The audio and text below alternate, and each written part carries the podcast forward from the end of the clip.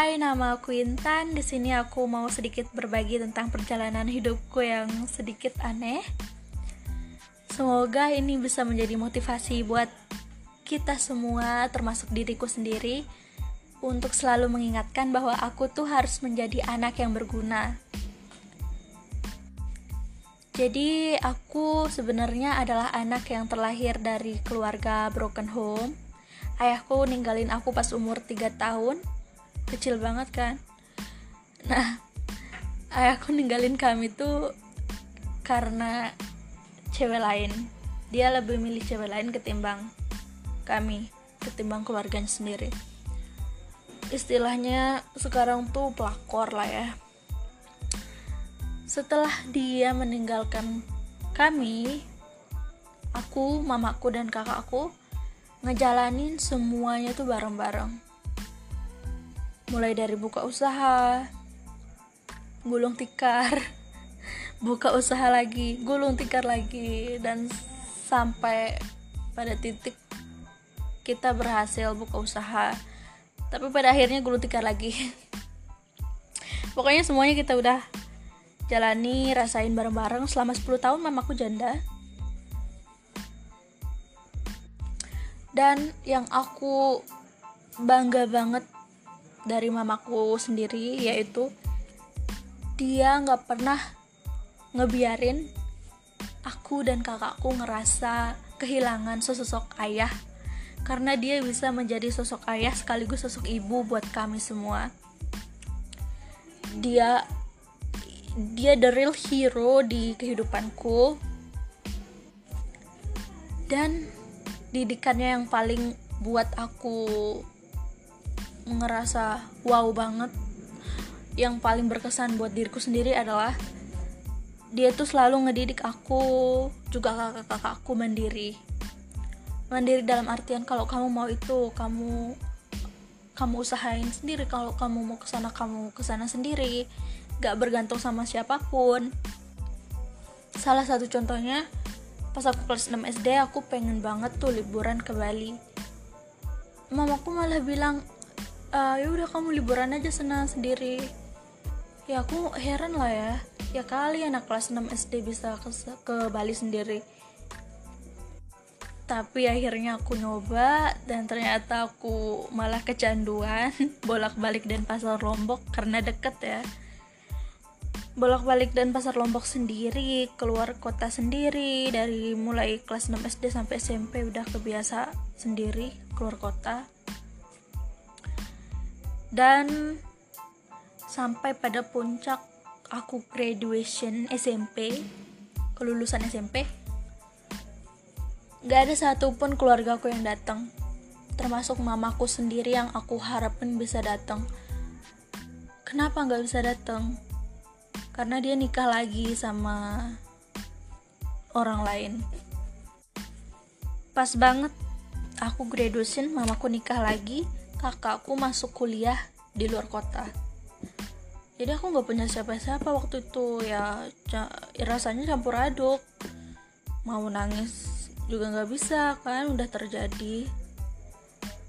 Ya waktu itu aku benar-benar ngerasa padahal padahal ya acara graduation ini seharusnya menjadi acara yang membahagiakan buat diriku. Karena ini adalah tahapan aku menuju SMA tapi ini malah menjadi sad moment. Aku malah nangis di acara graduationku itu. Aku malah stres aku malah depresi karena ngerasa nggak ada satupun yang peduli sama aku. Mamaku nikah tanpa seizinku. Aku ngerasa dia nggak udah nggak peduli lagi gitu loh. Ya udah next. Next ke SMA eh salah deng. Aku masuk SMK aku ikut mereka kan? Mamaku ayah tiriku dan aku tinggal satu rumah tuh. Selama tiga tahun pernikahan mereka aku nggak pernah disapa sama ayah tiriku. Terus mereka sering cekcok. Aku nggak mau kan jadi korban mereka terus. Korban pelampiasan mereka terus.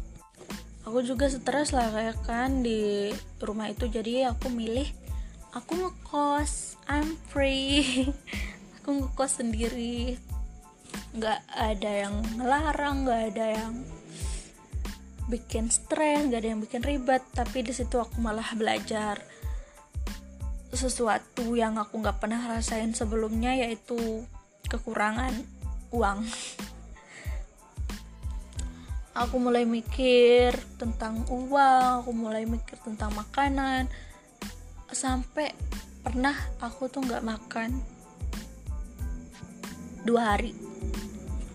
Terserah lo mau percaya atau enggak ya. Saking apa ya tapi aku walaupun ngekos bahagia soalnya banyak teman dan karena SMK itu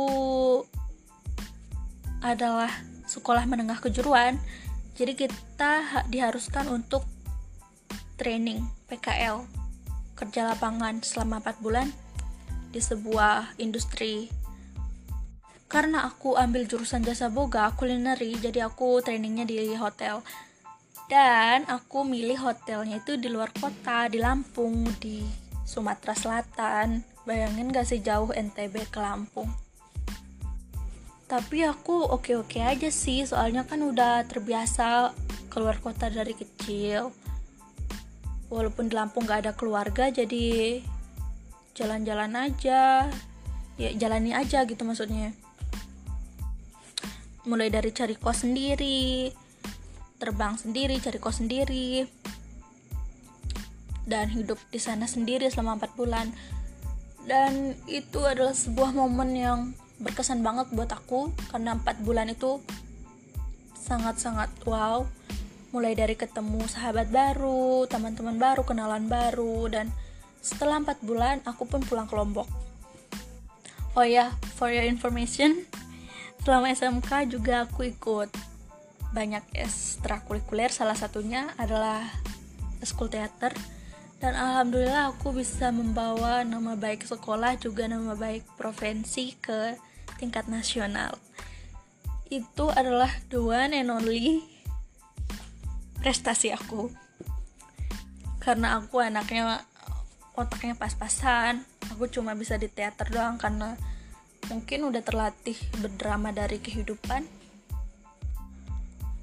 Dan pas aku balik dari training aku balik dari Lampung itu bulan Maret 2019 aku balik lagi ke kosku bukan bukannya balik ke rumah tapi ke kos. Aku ngekos sampai kemarin sampai kelulusan SMK aku. Kosku habis pas banget tuh. Kosku habis SMK aku lulus aku lulus SMK mamaku cerai. Anjay. Aku nggak nggak sampai mikir ke sana gitu loh dia. Ya bisa bisanya aja cerai. Jadi kan pikiranku tambah bercabang tuh. Aku mikirin kuliah mikirin uh, nilai nilai ujian buat masuk kuliah. Dan aku mikirin mamaku yang cerai. Tapi akhirnya sekarang aku udah tinggal berdua sama dia. Tinggal berdua dan alhamdulillah juga aku udah keterima di salah satu universitas dengan program beasiswa potongan 50% aku ambil kuliahnya jurusan fashion designer. Banyak banget yang nanya loh kok ambil fashion designer? Kan kamu SMK nya jurusan kulineri jasa boga nggak nyambung banget pakaian sama makanan. Kenapa kamu nggak terusin kulineri? Ya mau gimana aku tuh apa ya kalau nggak serak sama suatu bidang nggak aku terusin dan aku lebih milih di fashion designer karena apa? Karena dari kecil aku emang skillnya di situ suka banget ngedesain baju. Dan aku memutuskan untuk meneruskannya pas kuliah. Karena aku ngerasa kalau kita mengerjakan sesuatu sesuai hobi tuh lebih enak aja gitu. Nah ini dia sekian cerita dari saya semoga bisa kalian bisa memetik suatu kesimpulan untuk apalah gitu. Salah satu contohnya yaitu jangan pernah menyerah pada bagaimanapun keadaan kalian. Kalian harus tetap jalan. Kalau masih hidup tuh harus tetap berjuang. Dan untuk perjalananku sendiri semoga lancar. Amin. Ya robbal alamin. Kalian pokoknya semangat terus. Good luck kita semua punya mempunyai journey yang berbeda-beda. Oke okay. see you di next podcast. Aku Intan Mutia Hanum bye bye